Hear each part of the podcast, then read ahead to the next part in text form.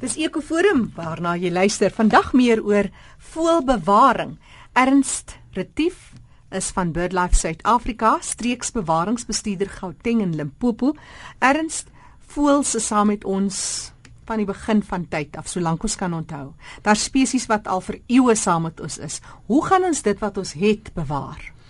Ja, voëls te bewaar is nie so maklik nie. Jy weet plante staan op een plek stil As jy hom vandag gesien het, staan hy hopelik nog môre daarso, so dis redelik maklik om sulke soort van eh, taks te bewaar. Maar voels beweeg rond, van hulle beweeg van Amerika af of van van Europa af tot in Suid-Afrika, derduisende kilometers van hulle beweeg binne Suid-Afrika. Hulle broei nie altyd op dieselfde plekke nie, so dit maak dit nogal besonder moeilik mm. om voels te bewaar. Maar een ding wat nou maar waar is is dat om voëls te bewaar is dit belangrik om hulle habitatte te bewaar. Ehm um, voëlkykers sal weet dat voëls hou daarvan om 'n sekere habitat, hulle elkeen hulle habitat voorkeure. So voëls wat van graslande hou kom net in graslande voëls en voëls wat van bergagtige gebiede hou kom net in bergagtige gebiede voor. Kry natuurlik baie spesies wat baie wat weet in verskillende habitatte voorkom.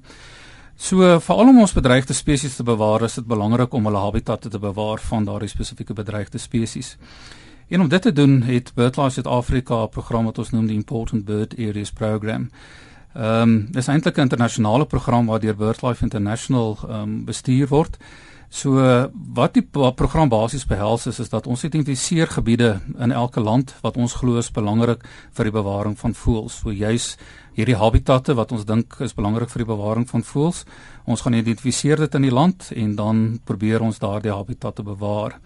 En soos ek sê, dit gebeur reg oor die wêreld. So hier's oor die 11000 van hierdie IBA's wat wêreldwyd geïdentifiseer is. In Suid-Afrika het ons in 1998 het ons 124 van hierdie IBA's geïdentifiseer. Nou dit sluit gebiede in wat baie van die luisteraars sal ken, plekke soos Kruger en die Kalahari Gemsbok Park en al die soort van nasionale parke wat ons het. Maar natuurlik baie van ons bedreigde spesies kom in hierdie parke voor, juis omdat hulle habitatte so so mooi bewaar is deur die jare. Maar dan is daar ook baie gebiede wat nie ehm um, formeel bewaar word nie wat ons dan ook ehm um, geïdentifiseer het as gebiede wat belangrik is vir die bewaring van voëls.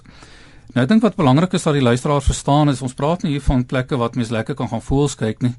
Ehm um, ons kry baie plekke in die land waar daar sê maar 4 of 500 spesies in 'n groot gebied voorkom, maar wat nie noodwendig kan kwalifiseer as 'n IBA nie. Ons het sekere wetenskaplike kriteria waarna 'n gebied moet voldoen om te kwalifiseer as 'n IBA. Net ek kan nou nie in detail daaraan gaan nie, maar dit vinnig is is daar met 'n sekere groot hoeveelheid bedreigde spesies in daardie gebied voorkom. Ons praat ook van voëls wat miskien 'n baie klein verspreidingsgebied het, so ons het so 'n klompie van hulle geïdentifiseer soos daar van hulle voorkomende gebied. 'n belangrike een is ehm um, voëls wat in groot getalle voorkom, byvoorbeeld watervoëls. Ehm um, so as daar byvoorbeeld 20000 watervoëls in 'n spesifieke gebied voorkom, dan kan dit moontlik kwalifiseer as 'n uh, as 'n IBA. Byvoorbeeld Bouwerspan wat ek dink baie luisteraars sal ken, is 'n IBA omdat daar bedreigde spesies voorkom, maar grootliks omdat daar redelik gereeld in Bouwerspan en Leeupan, die twee panne saam, oor die 20000 watervoëls um, in die spesifieke gebied voorkom. So soos ek sê dit is dit, ons kyk heeltyd na ons IBA ja. netwerk en dan probeer ons ehm um, weet kyk of hierdie kriteria aan voldoen word en dan identifiseer ons hierdie IBA so in Suid-Afrika. Nou uit die aard van die saak soos jy sê is dit 'n internasionale program.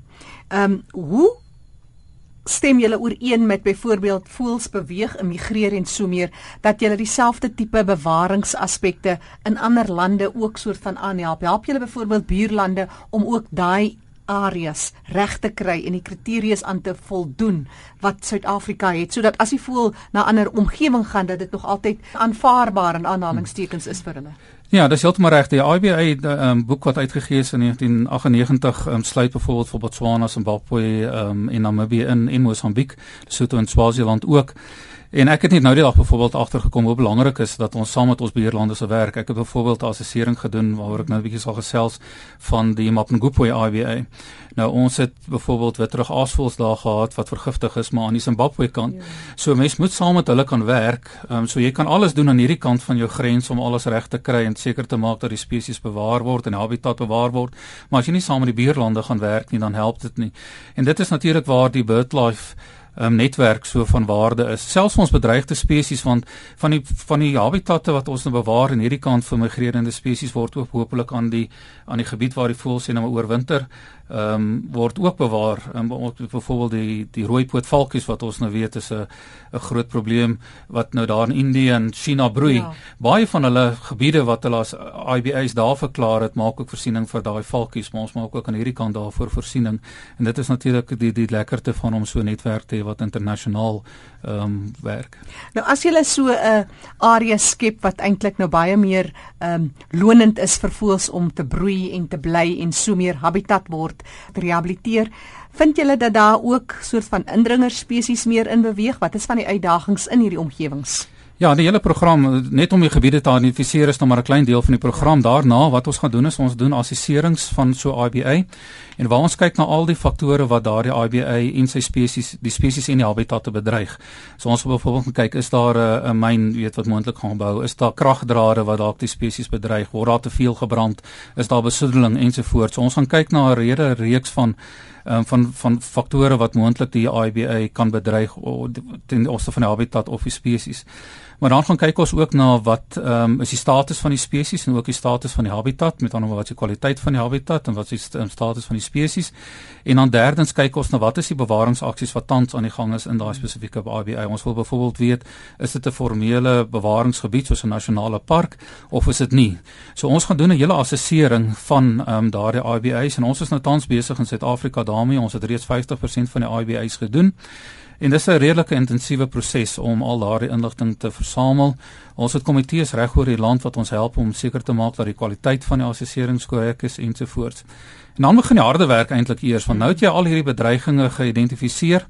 Maar wat ons dan doen met hierdie assesseringsproses is ook met voorstelle vorendag te kom van hoe kan mens nou hierdie bedreigings teenwerk?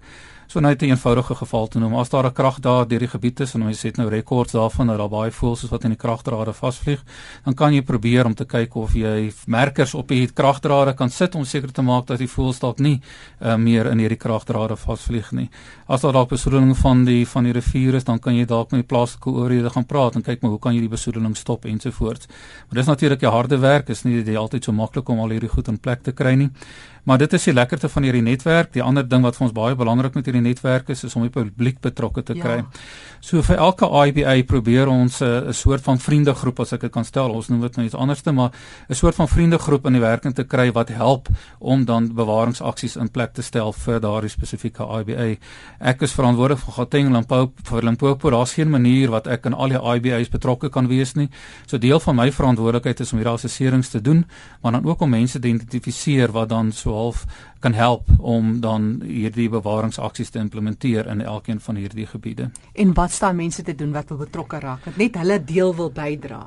Ja, maar hier is natuurlik soos ek sê is ehm, 'n um, projek vir hele Suid-Afrika, so ons het mense in die Wes-Kaap, KwaZulu-Natal ensovoorts van BirdLife wat werk in daardie gebiede. Maar net die maklikste is mense kan na ons webtuiste toe gaan, um, birdlife.org.za Ehm um, daar's ons 'n hele afdeling oor die IBA program. Mense kan gaan teks kry oor elkeen van ons IBA's met Google Earth kaarte, ehm um, wat vir presies vir hulle wys waar die die IBA is met teks en die bedreiging ensovoorts en ons gaan in die volgende jaar dit totaal en al opdateer soos ons hier assesserings doen. Maar dan ook is die kontak details ehm ja kontakte van besonderhede van elkeen van hierdie mense in ons wat in die streke werk is daar en hulle is meer as welkom om hulle te kontak om dan te sê dat hulle kan dalk data verskaf. Hulle kan dalk monitering van voëls doen binne in hierdie IBA's. Hulle kan dalk as hulle hoor van 'n bedreiging waarvan ons dalk nie weet nie, kan hulle dit aan ons noem. Ehm um, en natuurlik soos ek sê as ons dan bewaringsaksies begin implementeer dan kan hulle daarbey betrokke raak. En as daai voeltjie jou eers gepik het, is 'n lekker werk, is lekker om betrokke te wees. Ja, en, en soos ek sê dit is nie weet baie groot of ingewikkeld hmm. werk nie, is baie keer baie eenvoudige groep. Byvoorbeeld die vriende van Blouberg is is betrokke by die Blouberg IBA en hulle is betrokke by aasvoëls. So hulle merk die aasvoëls deur ehm um, tags op hulle voëls se vlerke te sit. Hulle het 'n hok gebou waar die voëls wat ehm um, wat beseer is, weet weer kan gesond word ensovoorts. So dis lekker goeders om by hmm. betrokke te raak en is lekker goeders om te doen. Nou, jy praat nou van die Kaapenaars. Vind jy dat daar sekere mense tog meer geneig is om betrokke te raak of wat hoe ervaar julle dit? Ag, kyk, binne ek dink in die algemeen met BirdLife is natuurlik 'n uh, 'n uh, organisasie wat 'n redelike groot lidmaatskap van oor die 6000 het. En binne in dit kry mens mense wat daarvan hou om net voels te kyk, maar jy kry baie van mense wat wat daarvan hou om by bewaring betrokke te raak. En dis die lekkerste van ek dink van julle voelkyk wêreld is dat daar verskillende maniere wat mense bydra kan kan lewer. Mense wat daarvan hou om die voelkyk gedeelte te doen, kan bydra tot iets soos die Atlas projek. Ander mense hou daarvan. Hulle wil in net in 'n spesifieke gebied betrokke raak. Hulle wil regtig betrokke raak, ehm um, jy weet soos ek hulle wil hande vuil kry en iets werklik doen in 'n ja. spesifieke gebied. Ehm um, so dit is die lekkerste daarvan daar's verskillende maniere hoe mense betrokke kan raak. Gaan maak 'n draai op die webtuiste. Daar sal iets wees wat jy van hou. Dis www.birdlife.org.za. Dis Ernst Retief van BirdLife Suid-Afrika, streeksbewaringsbestuurder Gauteng en Limpopo wat jou uitdaag om betrokke te raak. Net weer hy webtuiste www.birdlife.org.za.